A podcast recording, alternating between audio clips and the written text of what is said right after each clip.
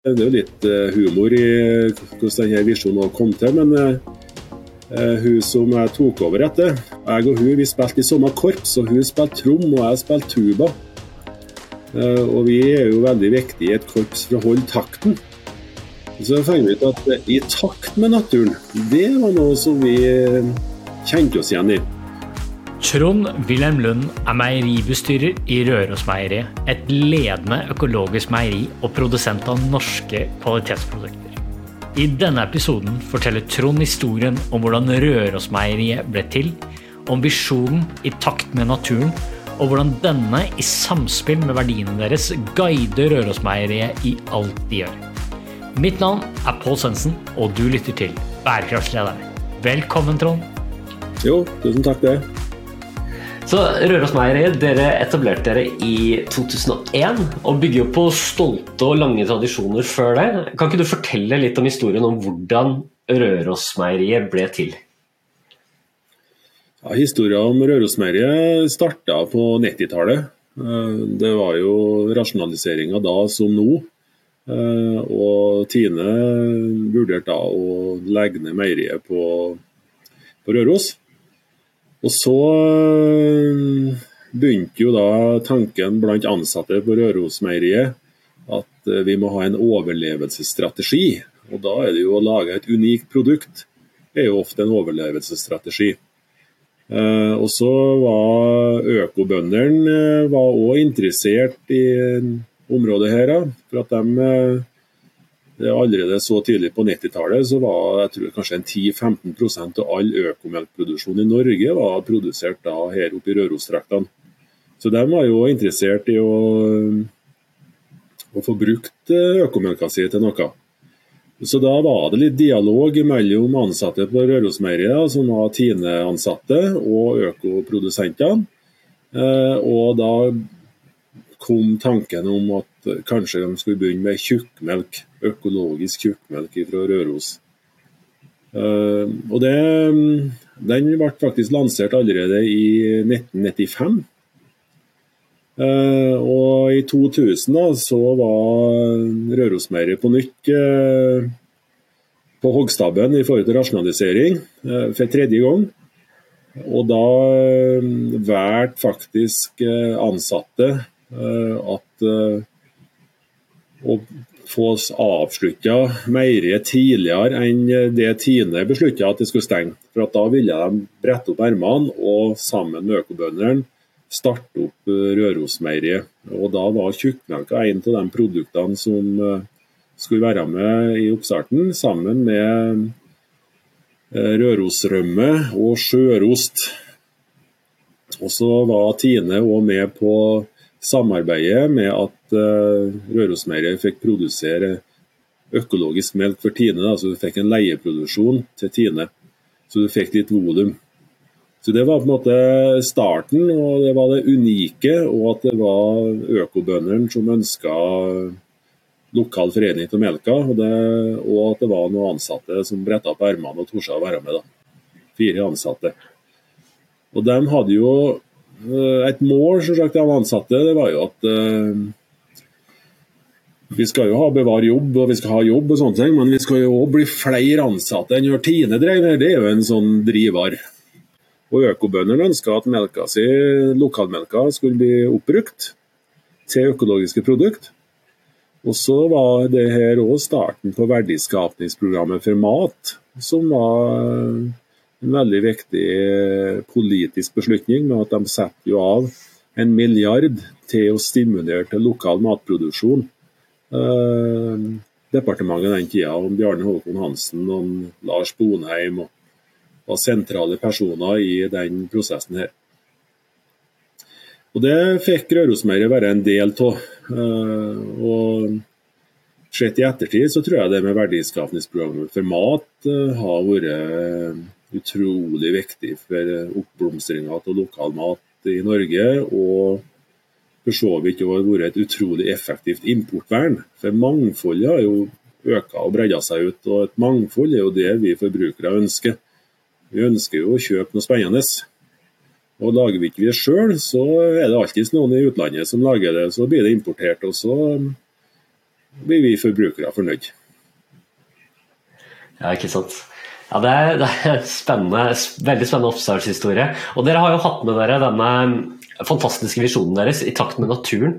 Eh, kan du fortelle om den, og hva den betyr for dere? Det er jo litt eh, hvordan en visjon kan bli til. Det er Ofte som tenker jo folk på at økologi da er mer i pakt med naturen. og det er litt eh, ja, det er litt mer sånn en bevegelse. Men der eh, syns jeg at det var litt voldsomt. Og så er det jo litt, eh, det er jo litt eh, humor i hvordan denne visjonen kom til. Men uh, hun som jeg tok over etter, uh, som uh, jeg og hun vi spilte i samme korps. og Hun spilte trom, og jeg spilte tuba. og vi er jo veldig viktige i et korps for å holde takten. Ikke sant? Så jeg fant ut at I takt med naturen, det var noe som vi kjente oss igjen i. Og Da landa vi på at det var veldig treffende på det bøndene jobber med, at de ønsker økobønder. De ønsker å være så mye som mulig i takt med naturen. Eh, og det ønsker jo vi som driver med økologisk melk og foredling òg, at vi må prøve å foredle den på så skånsom måte som mulig. Eh, og i takt med naturen sånn sett eh, har vært med oss og er blitt ryggmargen. og er det som vi tenker driver vi, Kan vi drive enda litt mer i takt med naturen? Det er det som stiller vi oss spørsmål hver dag. Og Det har egentlig vært vår bærekraftstrategi òg. Eh, vi har ikke noen bærekraftansvarlige bærekraftpolicy. Det er policyen vår, det, å drive i takt med naturen. Ja, eh, kan du ikke fortelle litt mer om det, hva det innebærer? Hvor, hva, er, det, er, det, beslutninger dere har tatt, er det situasjoner dere har vært i hvor, hvor, hvor, denne visjonen har ført til andre retningsvalg enn det dere kanskje ville tatt hvis, eh, hvis dere ikke hadde hatt denne, denne visjonen? Uh, ja, det, det finnes mange eksempel på det. og uh, kan jo begynne med når vi fikk muligheten for å ta noe som forbrukere mest ser som handler varene våre nå, det er jo at vi var Vi har jo et mål om at vi skal være Norges fremste økologiske meieri. Uh, og det å være fremst betyr jo at vi skal være det å sette standarden. Vi skal forme utviklinga og tørre å gå først. Uh, så når vi fikk muligheten til å Eh, begynne med ubleika melkekartonger eh, på vår melk. Eh, så selv om den koster mer, de kartongene for det blir hele tida målt i forhold til volum. Et lite volum koster mer enn et stort volum, selv om det er billigere å fremstille. Det i seg sjøl er jo noe vi må komme bort ifra hvis jeg ser litt stort på det, hvordan vi skal klare å stimulere til mer bærekraftige løsninger som er mer i takt med naturen så bør faktisk den som forurenser betale, framfor den som ikke forurenser. Men per i dag så er det ofte at det er det som er lite i volum, det skal betale mer, selv om det forurenser mindre. Så Det er jo det som det store bildet. Men da valgte vi å starte med ubleika kartonger eh, og eh, regenerativt plast. Da. Altså kommer plast fra tretoppene fra Karlstad Eh, så vi gikk over bort fra fossilt. Så målet, et sånn høyt mål er jo at vi tenker at vi skal bli fossilfri på Ja, det ble vi for så vidt eh, eh, Vi var først ut som meieri å bli fossilfri, men det kan jeg ta litt etterpå. Men vi valgte å betale mer for de kartongene, sjøl om ja, For at vi syns at det er i takt med naturen. da. Og det ser vi at da klarte vi faktisk å redusere CO2-avtrykket på de melkekartongene vi drev med i 2016, som var bleika og laminert med plast. Kraftigere kartonger. Med å gå over til ubleika, så reduserte CO2-avtrykket med 40% per kartong med det grepet der. Så det var et sånt stort grep som forbrukerne legger merke til, men internt her òg, når vi skulle Vi har nettopp bygd ut uh, meieriet. Vi var ferdig flytta inn her i 2019. Uh, og Da vi jo, kom vi jo bort til et spørsmål om universell utforming, og da måtte vi jo heis. og Så fikk vi jo tilbud på heis. og så Den ene heisen var rimeligere. Den andre heisen, da, som den den tilbød at den hadde en dynamo, så den kunne produsere strøm. Og vi som da skulle produsere varene i første etasjen og frakte varene ned i kjelleren, det betydde jo at vi bestandig ville ha tyngre heis på tur ned enn lett emballasje opp. Så gikk vi jo for den dyreste heisen, for det ga jo oss litt strømproduksjon hver gang. Og når vi har mye folk her da, innom meieriet, så sier vi at vi tar heisen ned og går trappa opp. Så får du det som en greie med uh, hvordan vi tenker. Det er jo sånn, uh, kall det en lite artig sak. Men når vi bygde ut, så er det klart at vi gikk for trekledning. Vi, går for, uh, vi brukte for lokale entreprenører. Vi tenker lokal verdiskapning. Best lokalt. Det vi kan gjøre lokalt, det gjør vi lokalt. Og vi ser ofte at vi velger dyrere løsninger som er til det bedre for miljøet og bedre bærekraftig. Men skal vi komme oss noen vei, så koster det litt å rydde opp etter all uh, si, mangel på ansvarlige løsninger. da. Akkurat. akkurat. Jeg er nysgjerrig på deg også, Trond. Du tok over som bestyrer, du var innom det var i 2008. Kan du fortelle litt om din egen bakgrunn, og, og, og hva du, du, var jo da med å, å utvikle dette, denne visjonen, hva den betyr for deg personlig? Jeg husker spesielt eh, når jeg begynte i Rørosmeieriet. Da kom jeg jo fra et stort smørmeieri. Uh, og så så jeg hvordan de drev og produserte Rørosmør. Uh, og jeg var med og tyna effektivitet og utbytte, og jeg tror jeg var med og investerte i et instrument som skulle gjøre oss at vi kunne dosere optimalt og mest mulig vann inn i smørproduktet, men at det fortsatt var innenfor grensa. For Vann var jo billig, og da fikk vi selge flere kilo smør med mindre bruk av fløte og rømme. Nei, ikke rømme, men vi brukte da fløte. Eh, så kom jeg til Rørosmeiret og så hvordan de drev på her, så tenkte jeg her er det rom for effektivisering. Og Så kjente jeg litt, eh, hvis du kan si at du kjenner kulturen, at bedriftskulturen og tanken og hvordan det er faktisk å drive og jobbe eh, bærekraftig og i takt med naturen og økologiske prinsipp. Og hvis vi hadde utvikling på smørsalget og at um, anerkjente kokker og serveringsmarkedet brukte Rørosmør da, mer og mer. Det var, var jo 2008. Så var det på en måte som å stå og balansere. Hvis du tenker, hvis du balanserer og står på en sånn ustødig plattform, når du hele tida tyner utbyttet, og det å, å, virkelig sette ordentlig sjøbein og slå ene foten og, stå breis, breispent, ja.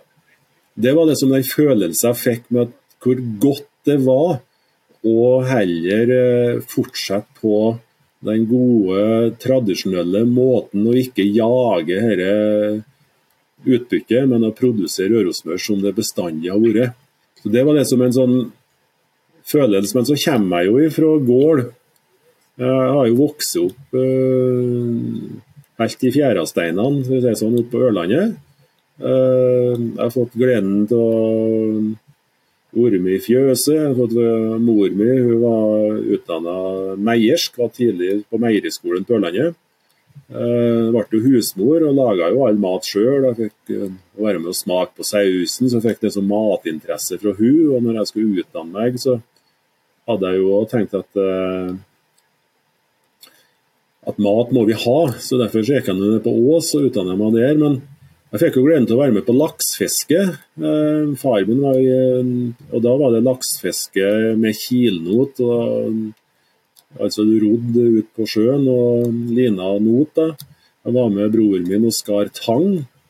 Eh, og selvsagt og veldig mye hersing til onkelen min. Jeg var jo jobba jo hver sommer med gårdsdrift og sånne ting, så det har nok vært med å sette uh, veldig spor på både sånn grunnverdier. da. Uh, ja, det vært. Uh, før jeg da har valgt at mat må vi ha, og så havna inn i Tine i 1995. Uh, og fantastisk erfaring å få der, med muligheter å jobbe og være kreativ. og så Både å være kreativ og utnytte råvarene mest mulig har liksom vært spisskompetanse og kjernen i mye til utvikling. og Det har jeg jo fått eh, mye muligheter til da, i Rørosmeieriet òg, fra å utvikle Rørosmeieriet. Så kom jeg hit som sagt og sett, ble breispent. og eh, hadde jo et mål om at jeg skulle eh, når jeg først tok steget ut fra det trygge Tine og samvirke og over i det private, var jo målet mitt å få Rørosmeieriet til å komme seg over vassflata da, og berge økonomisk. Uh, I takt med naturen. Ikke sant, ikke sant. Den balansen. Um, ja. Du beskriver der på en fin måte ikke sant? den følelsen av å kunne stå bredbent i, i, i, i Rørosmeieriet. Uh, hvordan jobber dere med hele organisasjonen for å, for å, skape den følelsen, for å skape den uh, forankringen av visjonen? Det at folk skal stå trygt og godt ved at de jobber i takt med naturen? Ja, Vi har eh, den visjonen, og så har vi noen verdier.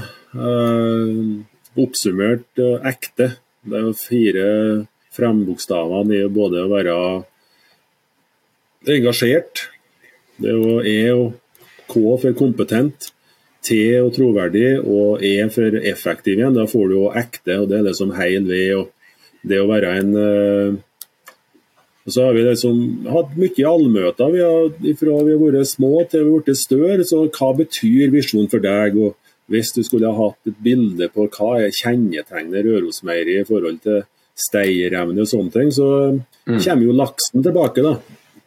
Vi har i hvert fall uh, Jeg sammenligner oss òg som en sånn uh, uh, fisk som svømmer mot strøm, så en laks, liksom du, ikke En død fisk driver med strømmen, men vi orker å svømme imot strømmen. Det er det som er et bilde på det som kjennetegner hvordan vi nekter å gi oss.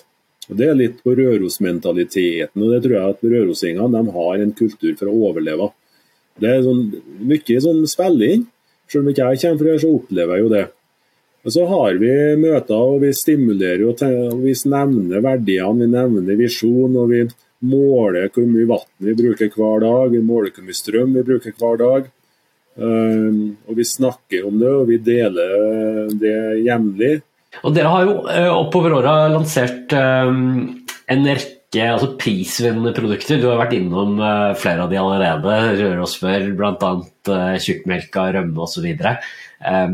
Kan du fortelle litt om hva er dere ser etter når dere utvikler disse produktene? Hva er det dere leter etter, hva er hemmeligheten for at de har eh, fått en såpass god mottakelse som de har, eh, som de har fått? Nei, jeg tror det starter med respekt for råvaren. Vi har økologisk melk som er det mest dyrebare.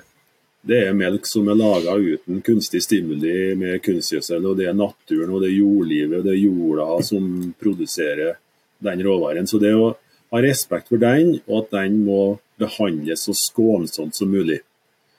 Det er det som kjernen.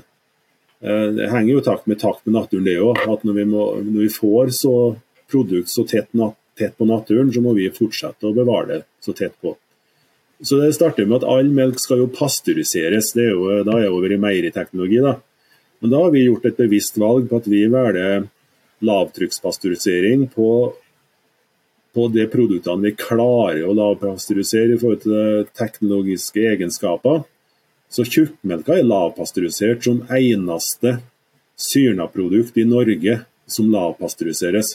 For Da har du ivaretatt melkeproteinene på en sånn måte at eh, de ikke blir denaturert, sånn som det heter da, når du på en måte koker grøt. Ofte at du får brunt på legg på bunnen. Det er denaturerte melkeprotein. Eh, det er klart at intakte Inntakte melkeprotein er bedre for kroppen enn det som er blitt litt ødelagt av temperatur. Eh, så Lavpasteurisering er et begrep som Rørosmeiret begynte eh, tidlig å bruke, for at vi var de eneste som gjorde det. Eh, det er jo veldig vanlig på søt melk at den er lavpasteurisert, men begrepet var ikke brukt i Norge. I og med at vi brukte det på surna produkt, så syns vi at det var fornuftig å ta det med. Og og så har vi valgt en pasteuriseringsteknologi som også pasteuriserer ved lavt trykk. Det er med å påvirke melk, melkefettet mye mindre, og dermed så er melkefettet mye mer intakt. Vi homogeniserer En del av mesteparten av melka som vi selger i butikken for både Englamark og Røros. Men vi har òg produkt søtmelk som gårdsmelka, som ikke er homogenisert. Og tjukkmelka er ikke homogenisert. og det, Da er vi over på det skånsomme igjen, for å ta vare på den kvaliteten. Og så har vi, bare for å ta i forhold til utvikling og produkt og sånne ting, så må vi jo klare oss uten uh, uforståelige ingredienser. Det er et poeng. Uh, når vi skal lage produkt, så må vi lage produkt uh, med naturen til hjelp, og ikke kunstige ingredienser. Så Rørosmeier har ingen E-stoffer. Det er jo som et sånt greit målepunkt å styre etter. og jeg må jo si at var, Vi har nettopp kommet med smaksatt melk. Uh, og Jeg har kanskje ikke vært den som har ivra mest for det. For at jeg tenker, skal vi virkelig begynne å blande smak inn i melk? Uh, og det er en stor diskusjon om kargenan og litt sånne ting. Uh, men når vi fant ut at vi faktisk klarte å lage ei fersk, smaksatt melk uten kargenan Det eneste som kreves, er at du må riste kartongen. Uh, på samme måte som alle rister jo en god juice med fruktkjøtt. Og alle har jo rørt ut O'boy. Så det er som, Hvorfor må vi ha Carregenan? Er det for at du skal slippe å riste kartongen? Og det er som, du klarer deg så, på så få ingredienser som mulig. Det er med å uh, gir den beste smaken. Og så velger vi råvarer som gir uh, Det er smak som avgjør. da. Vi er hele tida, vi, det skal være best i smak før vi slipper noe. Så etter vi gjort det, så syns jeg jo vi fikk det god smaksatt. Eh, vi har klart å vise at det går an. Eh, og da tenkte jeg at da hadde vi en funksjon likevel med at vi har Norges fremste økologiske meieri som viser vei. Og Så er det bare tro mot uh, reseptene på sånn måte som jeg sa om smøret. At jeg så mulighetene her, men hvis vi effektiviserer oss bort ifra teknologien, vi, og kort sagt kan vi si at vi bruker den tida som er nødvendig for å få til god smak.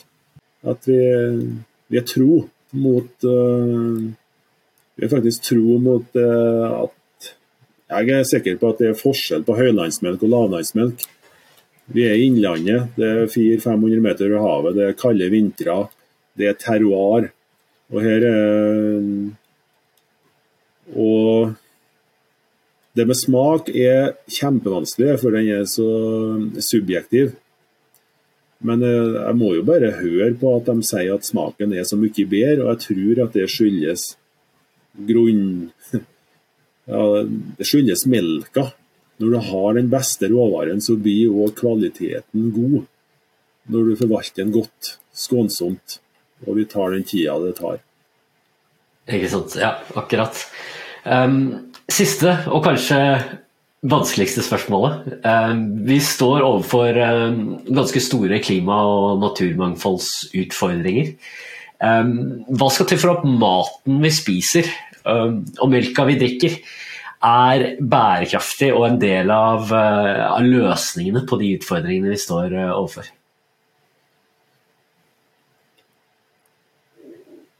Uh, ja, jeg tror jo faktisk at uh, det med bærekraftig økologisk produksjon er en del av løsninga. Vi, uh, vi, ser jo at når du får tilbake jordlivet, så begynner faktisk uh, gresset å gro. Der har jo Norge en unik mulighet i forhold til og kua som sagt, og sau. og den Drøvtyggerne omdanner jo gras til mat. Så jeg tror at vi må senke eh, ytelser. Altså vi må tillate oss å gå litt saktere. Jeg behøver ikke kan være, Du kan holde lenger hvis du går sakte, i stedet for at du skal drive med full spurt. Og Sånn tror jeg det er med produksjonsdyr òg. Og sånn er det med folk. Og at det er jamnen som drar. Som dreg, som far min sa bestandig. Det er jamnen som dreg. Jobb jevnt og trutt, så går det framover. Eh, så, så det å klare seg på naturen sine premisser, er, tror jeg er faktisk en del av løsninga. Og så, Hvis jeg er inne på melk da, og meieripolitikk og sånne ting, så måles jo Alle jo snakker jo om hvor mye melk produserer kua. Som, den ytelsen har jo gått opp og opp og opp. Uh, men det er ikke sikkert at kua har hatt noe vondt og kunne ha senka ytelser og kanskje levd et år lenger i stedet. Uh, kanskje fått mer gras i stedet for mindre krav og mindre kraftfôr. Uh, og fått til både mer bærekraftig kjøtt og mer bærekraftig melk. Og kanskje ha produksjonen på den ene gården Kanskje at den har vært bedre tilpassa og produsert litt mindre. Altså litt mindre enheter. Uh, det har også kanskje gjort at det har vært plass til en ja, Hvis du har hatt en kvote, da, så kunne du lånt bort litt av den kvoten din til naboen, så at du har hatt liv i det nabofjøset òg. I stedet for at du skal bli alene. Så jeg tror det er litt mindre fokus på ytelser og effektiviseringer og senke tempoet litt, men ha tydelige mål hvor du skal hen. og jeg tror jeg, er blitt mer og mer overbevist om at det er jordlivet. Vi må få tilbake mangfoldet, biomangfoldet, og klare oss uten eh, det er synd å si det, men jeg syns uh, kunstgjødsel uh, sier at vi må ha det. Jeg er litt usikker om vi må ha det, når jeg ser at de faktisk klarer seg godt, de som ikke bruker det. Og at det gir god melk, og det gir gode produkter. Og vi har, som vi sier, prisvinnende og Det skyldes jo melka ikke, vi klarer jo ikke å forandre råvaren. Så det, når vi har en unik god råvare, så er muligheten til stede for å få til unik god produkt. Kjempebra, kjempebra sted å avslutte, syns jeg. Jeg hadde en kollega en gang som eh, var fra Nepal, og han fortalte at eh, i Nepal så sa de at eh, oksen går sakte, men jorda den venter. Så høres ut som, høres ut som de var inne på noe i, i Nepal, kanskje. Eh, tusen takk, eh, Trond. Dette har vært kjempeinteressant. Tusen takk til Trond. Øyeåpne og inspirerende. For å lære mer om Rørosmeieriets bærekraftsarbeid, så anbefaler jeg å besøke nettsiden deres og følge dem på Instagram og Facebook. For mer informasjon om Bærekraftslederne så håper jeg du abonnerer på podden og følger Bærekraftslederne på LinkedIn, Instagram og Facebook. Takk for i dag, og på gjensyn.